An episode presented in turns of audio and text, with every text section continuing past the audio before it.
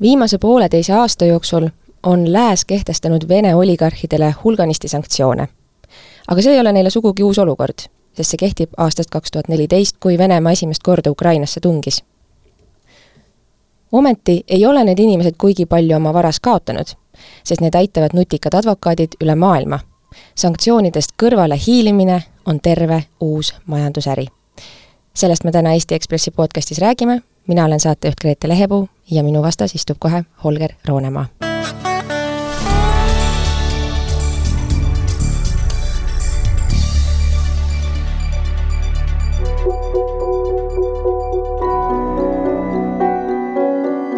ehkki me oleme Tallinnast kahe tuhande kilomeetri kaugusel, on selle koha lugu siin Eestiga väga lähedalt seotud. selle villa ostis kümme aastat tagasi anonüümne Küprose ettevõte, aga ta tegi seda Vene miljardäri ja Vladimir Putini ühe lähedasema sõbra Arkadi Rotenbergi rahade eest. tegelikult kasutas seda Vladimir Putini tütar Maria Vorontsova ja tema toonane abikaasa. Holger, me kuulsime sind just Austrias ja nüüd tere tulemast Tallinna tagasi tere, Grete! No mis sa tegid seal Austrias? me käisime uksele koputamas, mis on äh, ajakirjanike üks selliseid minu meelest ägedamaid tööülesandeid ja, ja ka olulisemaid, et me käisime uksele koputamas ühele hoonele, mis asub Kitzbüheli, mis on siis Alpi kuurortis Oberleitenwegi tänaval, ja see kuulub pealtnäha ühele, või noh, mitte pealtnäha, vaid kuulubki ühele Küprosele ette, Küprose ettevõttele, kelle tegelikku omanikku me ei tea, aga me teame, et see osteti Putini lähi-, lähedase sõbra, miljardär, oligarh, sanktsioneeritud Arkadi Rotenberg tema raha eest, ja me teame, kohalikud inimesed räägivad meile, et seda majas tegelikult elas või seda kasutas Putini tütar Maria Vorontsova ja tema siis selleaegne abikaasa. me koputasime uksele alustame sellest, et ähm, kirjelda meile, milline see maja üldse on? see on selline, ta ei ole, sellest majast ei õhku äh, ma ei tea, vene uusriklust või sellist äh, kulda äh, klatši, mitte klatši, vaid kitši ja, ja, ja karda. Et, et ühtegi sellist märki seal ei ole, et, et ta sobitub ideaalselt sinna ümbruskonda, et on, seda nimetatakse kuidagi kas Tirooli stiiliks või Ida-Tirooli stiiliks, et selline puidust äh, laudisega, selline suhteliselt nagu jah, ta on hästi ilus, kahekorruseline, teisel korrusel on vähemalt kaks terrassi, esimesel korrusel on ilus suur terrass äh,, tal äh, nii-öelda katuse peal on ilus selline nagu, nagu rist, mitte õigeusu rist, aga, aga rist nagu kõikidel muudel ümbrus, ümbruskondsel majadel ja, ja siis selline kukekuju, seal kõrval on noh, maja asub ühe kin-, kinnistu sellises ühes servas, nii-öelda servast servani, ja siis teisele poole kinnistul avaneb sellise väikse künka peale minev suur muruplats, kus läheb siis ka eraldi jalgväravast, läheb sinna eraldi selline mõnus väike trepp üles, et, et on äh, jõukate inimeste öö, äh, kena maja, mis ei pooseta stiiliga, vaid, vaid ongi selline klassikaline Alpi stiil. no mille jaoks pead sina, üks Eesti ajakirjanik, minema Äh, jalutama Alpidesse, tänavale, kus jalutas võib-olla kunagi ka Putin ja kus elas äkki tema tütar või suvitas vähemasti, äh, mis on sellel majal üldse pistmist sinuga? ja, ilmselgelt arhitekt-, arhitektuuriminutite pärast ma ei läinud ja see ei ole minu tugevam külg et äh, meie läksime sinna koos fotovideograafi Henrik Kristjan Kirsipiga sellepärast, et meil on paberid, dokumendid ja meie muu uurimustöö näitab, nagu ma enne ütlesin, et, et selle maja ostu tegelikult meid finantseeris või rahastas Arkadi Rotenberg, see maja maksis kümme koma kaheksa miljonit äh, eurot muide. Äh,, aga Rotenberg on teadupoolest sanktsioneeritud ja siis ühel hetkel aastal kaks tuhat seitseteist tuli sellesse hästi keerulisse tehingute skeemi, äh, tuli siis Eesti ettevõte AS Cresco äh, väärtpaberid, kes siis osales äh, äh, oli nii-öelda vahekeha siis Rotenbergi ja selle anonüümse Küprose äh, firma vahel, et justkui nagu see raha, laen, tehing äh, käis läbi tema, et tema pakkus sellist varahaldustehingut, äh, teenust. ja igal aastal teenis ta selle, selle töö pealt sada viisteist tuhat eurot. me räägime selle skeemi veidi hiljem lahti ka, aga kõigepealt me peaksime vist mainima alustuseks seda, et tegemist on siis taaskord ühe sellise üleilmse ajakirjanike koostööga, mille käivitas andmeleke ja seal on pandud katuspealgi Rotenbergi paberid. Mis dokumendid need on ja kust need tulid? Rodenbergi paberid on äh, umbes viiskümmend tuhat, võib-olla isegi kokku natukene rohkem e-kirja ja erinevat dokumenti, attachment'i, nagu ikka e-kirjadega saadetakse, mis siis tõesti paljastavad niisama Rotenbergide perekonna äh, teekonna äh, alates juba, juba kaugest äh, kahe tuhande neljateistkümnendate aastate ajast, mismoodi vältida lääne pandud sanktsioone selle, nende paberite või nende failide e-kirjade nüüd keskmes on mees nimega Maksim Viktorov, kes on Venemaal üks äh, ärimees, suhteliselt äh, ärimees, ma ei tea, kas võib ka just advokaat öelda, talle kuuluvad advokaadibürood, äh, kes on siis selline meie arusaama järgi üks selline põhivõimaldaja, et kui kaks tuhat neliteist just Arkadi Rotenberg pärast Krimmi annekteerimist ja Donbassi sõja algus sai nii, nii USA kui, kui Euroopa sanktsioonid, et siis hakkas pihta skeemitamine äh, Äh, mismoodi perekonna vara päästa. ja seda perekonna vara siis päästeti noh, väga tõhusalt, ütleme niimoodi, et ongi olemas inimesed, kelle jaoks sanktsioonidest äh, ma nüüd mõtlen hoolik-, hoolikalt, mismoodi seda sõna valida, et äh, mööda hiilida siis ütleme, et, et see Ela... ongi nende töö ja nende leib ja selle eest äh, teenitakse väga suuri summasid. see Maksim Viktorov muidu, ta ei ole avalikkuses ka Venemaal väga tuntud, äh, aga, aga ta on tuntud selle poole pealt, sellepärast, et talle kuulub talle meeldivad väga antiiksed või, või vanad viiulid ja, ja tema käes on siis maailmarekord, vähemalt tollel hetkel oli, et ostis kolme koma kaheksa miljoni, oli see nüüd dollarit või eurot, eest ühe, ühe vana viiuli, mida siis hinnati maailma kõige kallimaks sellel hetkel. nii et keegi on häkkinud sisse härra Viktorovi emaili boksi? Jah, ma, ma, ma täpselt ei tea, kas keegi häkkis või, või kuidas need jõudsid, aga nad jõudsid äh, meie heade kolleegideni äh, Venemaa uuriva väljaanduse, uuriva ajakirjanduse väljaandes äh, iStories, Važne Story ja, ja siis rahvusvahelises uuriva ajakirjanduse võrgustikus OTSRP, mille liige ka meie, meie oleme, ja siis nemad kahekesi panid või kutsusid veel kampa viisteist erinevat väljaannet, kelle hulgas siis ka Eesti Ekspressina meie olime. et me hakkasime noh, uurima neid, neid, neid dokumente koos ja Eestit kõige huvitavam puudutav osa on siis kahtlemata see, mis puudutab seda Austria villat, eh, millest varem eh, ajakirjanduses juttu vähemalt seoses Rotenbergidega ei ole kunagi olnud me läheme kohe selle teemaga edasi, andke mulle andeks, kuulajad, ma pean professionaalsest huvist küsima, kui kaua sa neid pabereid läbi lappasid või kuidas see protsess käis? ei, ei noh, vaata mina, meie siin Eestis oleme tavaliselt väga lihtsas seisus, et et Eesti on nii väike, et, et kui meil on viiskümmend tuhat äh, dokumenti, et, et siis ka lekkena tegelikult mahu osas ei ole väga suur, et minu jaoks see töö praegu kestis äh, umbes, ma ei tea, kuu või, või, või, või poolteist. et, et ähm, need dokumendid, mille põhjal seesama praegune lugu põhineb, suhteliselt selged, et sinna juurde tuli siis hakata veel noh, muud uurivat ajakirjandust tegema, eks ole. aga, aga teinekord neid lekke, lekkes olevaid dokumente ei ole mitte kümneid tuhandeid, vaid kümneid miljoneid. Näiteks viimane suur leke, millega me tegelesime, oli Pandora paberid, ja seal oli kas kakskümmend üks, kakskümmend kaks miljonit dokumenti ja sellega on natukene keerulisem. no see, see ei saa ju olla, kui sul on miljoneid dokumente, et sa lihtsalt klikid läbi neid ja ükshaaval? ei, ei, ei päris ei mitte niimoodi, sa ikkagi otsingu sõnade kaupa ja nii edasi. või kasutad see... juba väikest äh, nutikat programmi, ehitad pisikese roboti, kes sul aitab otsida just täpselt, jah, see on, see on selline poolteadus juba, jah mm. -hmm. no nii, räägime siis lahti mõttes liigume tagasi Austriasse, räägime lahti selle villa ja miks see meid huvitab. meil on siis äh, Vene oligarh, kelle nimi on Arkadi Rotenberg. Vladimir Putini lapsepõlvesõber, judopartner äh, ja, ja teeninud siis Putini käest miljardeid eurosid väärt ülepaisutatud hindadega riigihankeid, ehitanud näiteks Nord Streami, Sotši olümpiamängude aeg, ma ei mäleta, kas seitsme miljardi eest rajatisi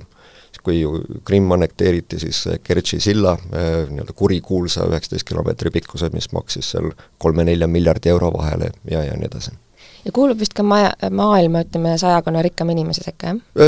Jaa, minu meelest Rottenbergi enda nii-öelda net worth hinnati äkki sinna kolme-nelja miljardi peale praegu, eks, aga vaata noh, jällegi on, et ega me keegi ju ei tea, kui palju tal kuhugi midagi varjatud on, et mhm. Tahtis tema siis osta ilusat maja Austrias? ma ei tea, kas ta ise tahtis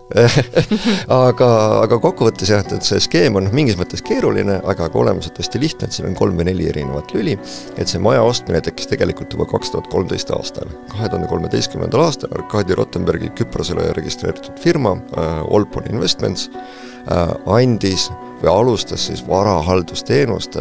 Rottenbergidele endale Lätis kuulunud pangas, SMB Pank oli ta toona, oli, oli, oli selle nimi. Nad sõlmisid lepingu. et põhimõtteliselt kaks venda tegid omavahel? ei, ei tegelikult ta tegi iseendaga, et lihtsalt see pank kuulus mm. mõlemale vennale korraga mm, -hmm. et tegid kahe tuhande kolmeteistkümnendal aastal lihtsa lepingu millega siis Rottenbergi nii-öelda erafirma või investeerimisfirma Olpon Investments andis üksteist ja pool miljonit eurot varahaldusesse Lätis, eh, Läti panka, mis kuulus tegelikult talle endale. see leping nägi ette, et eh, samal päeval või, või, või järgmisel, kohe järgmisel päeval peab seesama pank kandma selle või andma sellesama summa laenuna edasi ühele järgmisele Küprose firmale, Wayblue Investments Limited ja Wayblue Investmentsi puhul on natukene keerulisem öelda, ega me tegelikult äh, täpselt ju ei teagi, kes selle tegelik omanik on, kuna Küprosel on võimalik nii lihtsalt äh, varjata ettevõtete tegelikke omanikke, sellepärast ka väga palju muuhulgas Vene oligarhid äh, Küprose süsteemi kasutavad. ja mis siis see Wayblue Investments tegi, ta võttis sellise üksteist pool miljonit vastu ja kümme koma kaheksa sellest pani siis Kitzbüheli linnas asuva sellesama villa ostmisesse Äh, meie käes olevate dokumentide järgi äh, Wayblue ei maksnud ei pangale ega Olponile seda laenu mitte kunagi tagasi, me teame, noh, me oleme näinud nii-öelda, ma ei tea, lepingu siis ütleme, mustandeid või variante, äh, mis on siis kaks tuhat kuusteist, seitseteist aastal ette valmistatud ja kus sõnaselgelt öeldakse, et, et lepingu summa on tasumata siis kaks tuhat kuusteist, seitseteist, seitseteist tuligi mängu Eesti firma, kuna seesama Läti pank, noh, sanktsioonid ja nii edasi, Rottenberg oli juba andnud oma osaluse seal panga juhtkonnale tegelikult üle, noh, kui tõsine see üleandmine oli või kes tegelik omanik on, et, et see on keeruline hinnata, kaks tuhat seitseteist Läti pangal väga, väga raske aeg. Ja siis tuleb, astub seesama pank, kes on vahepeal nime muutnud Meridianiks, läheme veel keerulisemaks, äh, astub sellest äh, tehingute keskelt välja ja selle Meridiani asemele äh, tuleb mängu siis Eesti ettevõte Cresco väärtpaberid kes siis hakkab sedasama varahaldusteenust pakkuma ja varahaldus tähendab seda üheteist ja poole miljoni eurost äh, laenu. ehk siis ta justkui hakkab suhtlema selle Wayblue'ga, selle Küprose firmaga, kes ostis selle maja? jah, no neil on leping mõlemaga, äh, on või oli leping mõlemaga, et, et ühest küljest sellesama Olponiga, kes andis selle raha varahaldusesse, ja teisest küljest äh, Wayblue'ga, kellele see raha siis nii-öelda haldusest anti laenuks edasi mm. -hmm. et, tema on see vahekeha, et, et isegi eraldi konto Olpon on ka sellel ajal, selleks hetkeks sanktsioneeritud,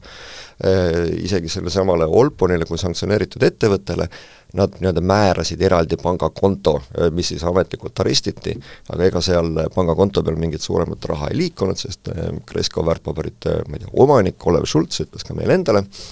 et, et, et Wayblue seda laenu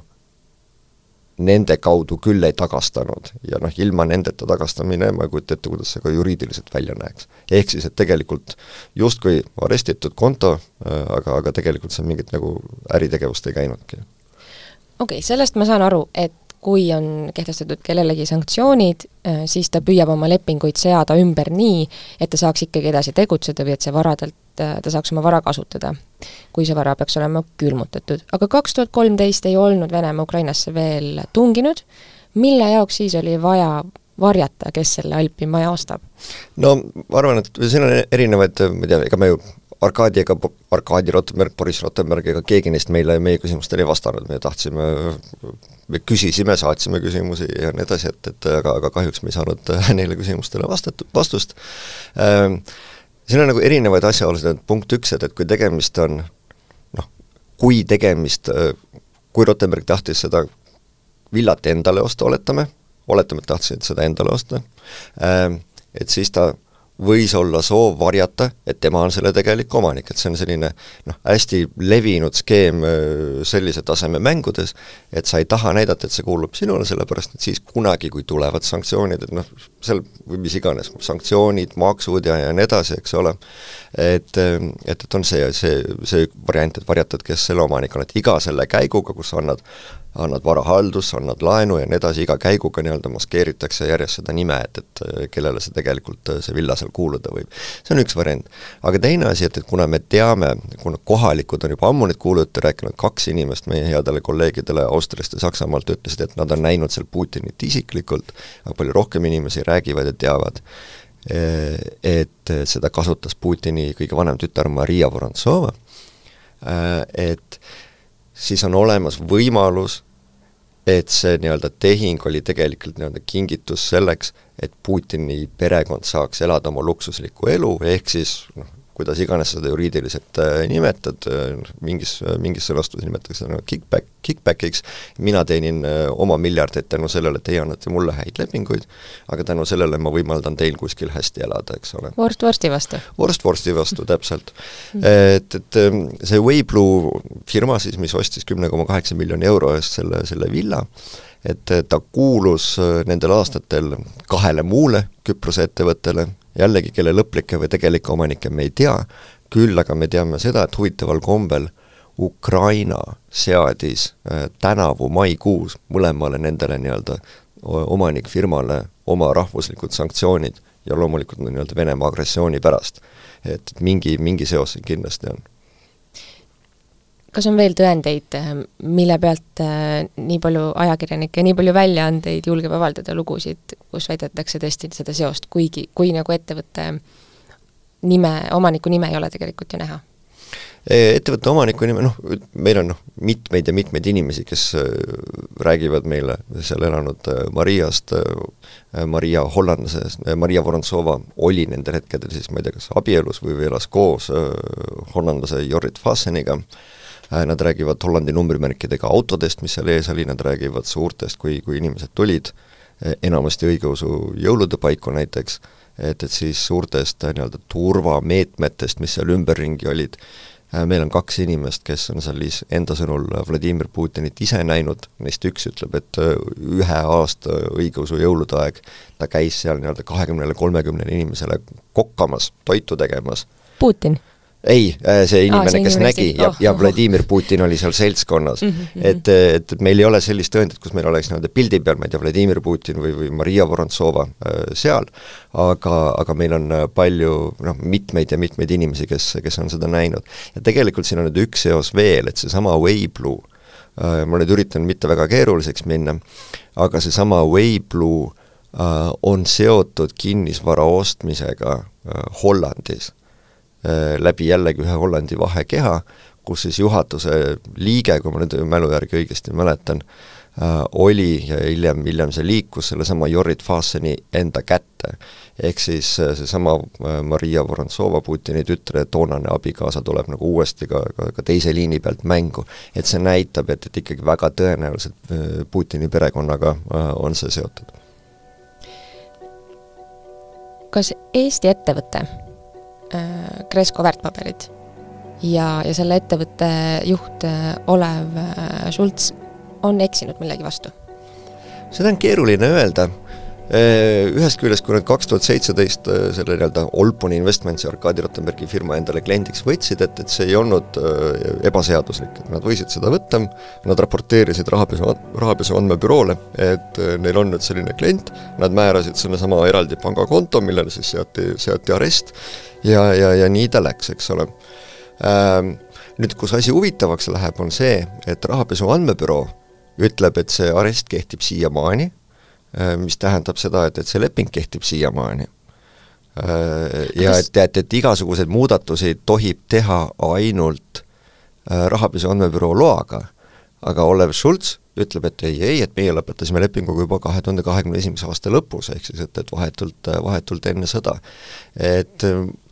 see on minu meelest üks selliseid, ma ei tea, müstilisemaid vastuolusid siin, et, et mis siis tegelikult äh, seis on võib-olla mõtteliselt hüppan korraks tagasi veel selle skeemi juurde, et aga mida see Eesti ettevõte siis ikkagi tegi selle lepinguga või mis, mida ta siis ta ei teinudki midagi. Mm. minu hästi lihtsustatud arusaam loomulikult on see, et, et ta ei teinudki muud, kui ta sõlmis kaks tuhat seitseteist need kaks lepingut, eks ole, ühe, ühe Olponiga, teise Weibluga eeldatavalt, ja, ja, ja, ja siis ta sai nii-öelda ametlikult varahalduriks, aga ega ta ei pidanud midagi korraldama ega, ega tegema, et, et lihtsalt ta üks lüli selles ahelas, mis äh,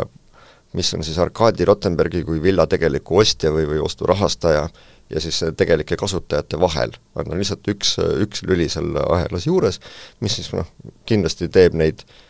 tehinguid äh, rohkem anonüümseks veel, eks ole kuidas äh, Olev Schultz veel reageeris, kui sa talle helistasid? oli ta häiritud, see on, need on päris, päris suure liiga süüdistused, millega talle läheneda. või mitte süüdistused, vaid küsimused, küsimused, minu asi oli, oli, oli küsimusi küsida. Äh, ega ma ei, väga keeruline öelda, et kas ta oli häiritud või mitte, et me, me kohtusime, me rääkisime päris pikalt, mis, mis oli väga, väga mõistlik kohtumine oli see, ma arvan, äh, ta ei kinnitanud otsesõnu, ta kinnitas, et, et Olpon on nende klient olnud, Äh, aga ta ei kinnitanud äh, neid nii-öelda üheteist koma viie miljoni ja, ja saja viieteist tuhande euro teenimise ja, ja, ja neid asjaolusid otseselt ei, ei, ei kinnitanud. ja siis jah, kõige olulisemana ta ütleb, noh tema selgitus on see, et kuna Cresco tahtis koos Ameerika partneritega siis kaks tuhat seitseteist aastal sedasama Läti põhja minevat panka ära osta, siis nad nägid, et selle panga sees on üks nii korruptiivne tehing. Äh, nagu, nagu see on, et omaniku ja, ja omaniku muude ettevõtete vahel, et siis nad otsustasid, et nad nägid, et selle, pangal on vaja sellest tehingust enne lahti saada, kui pank ära osta, ja siis ta justkui läks ja võttis selle tehingu enne sealt panga seest välja enda firma alla, mis minu jaoks natukene nagu tekitab sellist kognitiivset dissonantsi, et et, et sa näed, et kuskil midagi väga haiseb ja siis sa lähed ja võtad selle endale ligemale, et et minu meelest see ei, ei, ei kõla võib-olla väga loogiliselt, aga noh, ma, ei ole ka kunagi elus äh, neid diile teinud. ja noh, kõige olulisemana, et et, et ta ütleb, et äh, see leping lõppes kaks tuhat kakskümmend üks, aga, aga nagu ma ka juba mainisin, et et see on see koht, kus asi läheb segaseks äh, ja, ja, ja, ja teine asi, et ta ei soovinud avaldada, vähemalt meile mitte, et kes siis selle Weiblu tegelik omanik on äh, või oli äh, ja, ja, ja, ja kas ta siis teab või ei teadnud, et, et see maja, seda maja kasutab tegelikult äh, Vladimir Putini tütar. Ega see ei ole ka ebaseaduslik, et sa aitad Putini tütrel mingit maja kasutada, see ei ole ebaseaduslik, et sa võtad mingisuguse nii-öelda haisva tehingu enda juurde, et, me, ja isegi kui see leping praegu edasi kehtiks, kui see oleks lõpetatud, ebaseaduslikkust siin tegelikult ju ei ole, Mm, see, et Rahapesu Andmebüroo mingisuguseid kontosid arestib, see ei tee konkreetset ettevõtet milleski süüdlaseks, nii et see kõik vist taandub eetilisele, moraalsele küsimusele? võib-olla nagu päris nii lihtne see ka ei ole, et, et kindlasti eetiline, moraalne küsimus on, on, on ka minu jaoks siin kõige esimese koha peal, aga ikkagi, et kui me näeme, et see tehing on maskeeritud laenuks, mis tegelikult ei ole laen, kui ta paistab nii olema, et see on nagu üks punastest lippudest, mis, mis ma arvan, on, on ütleme siis niimoodi, et võiks kõndida kuskil seaduse piirimail. Ja, ja mida Austria võimud siis ka eeldatavalt uurima hakkavad, et Austria muidu on üritanud aru saada, et kellele see hoone kuulub seal, aga siiamaani nad ei ole aru saanud ja pärast meie eilset artiklit äh, Austria Roheliste partei tegi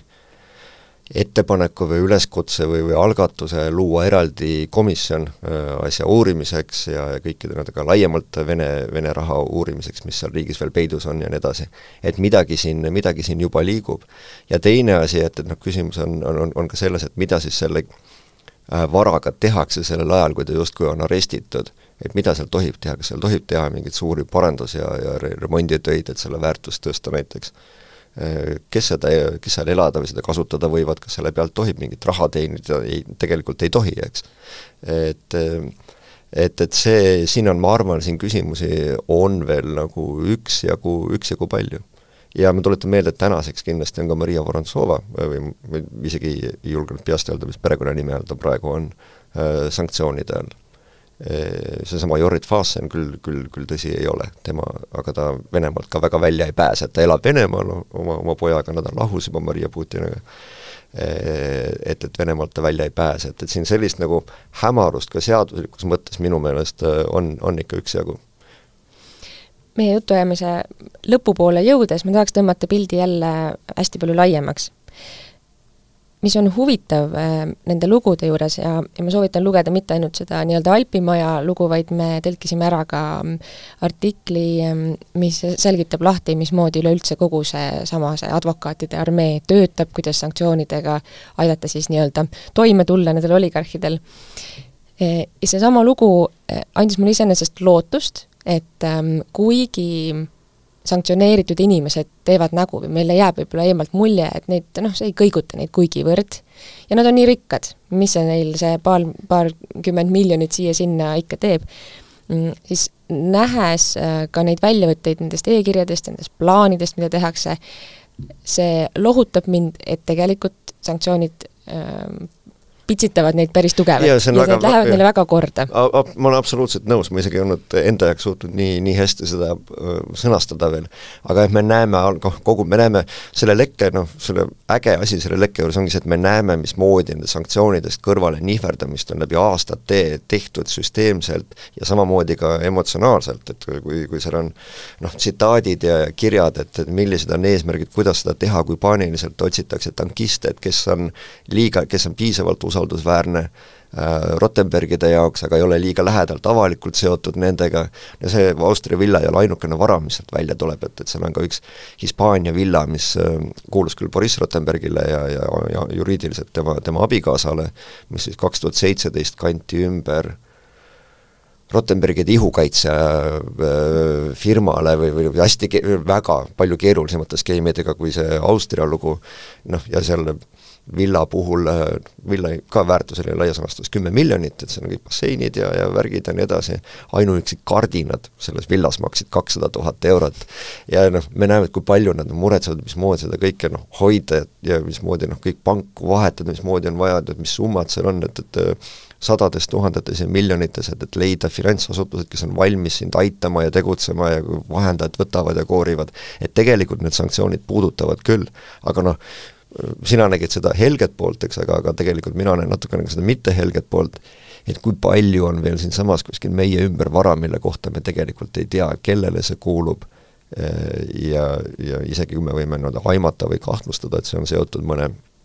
Putini klanni inimesega, et kui, kui palju meil on tegelikult vaja dokumente näha, et, et, et seda kõike päevavalgele tirida jaa, loomulikult äh, tõmban ka ise veel siin äh, neid optimismituure nüüd maha, sest see teine tõdemus, mis nendest, äh, mis sellest lekkest, nendest lugudest välja tuleb, on see, et lõpuni meil ei olegi väga palju midagi teha. Ähm, me ei jõua väga süvitsi minna sellesse teemasse siin sisse, võib-olla saate ise edasi lugeda, aga, aga üks aspekt, mida ma ikka ei teadnud, mis on huvitav ja kurvastav, on see, et Venemaal põhimõtteliselt on olemas selline äh, juriidiline võimalus vormistada justkui nagu mingisugune konto, millel just äh,, see kõlab, kõlab nagu spunk Pipi raamatust tuttav ähm,, et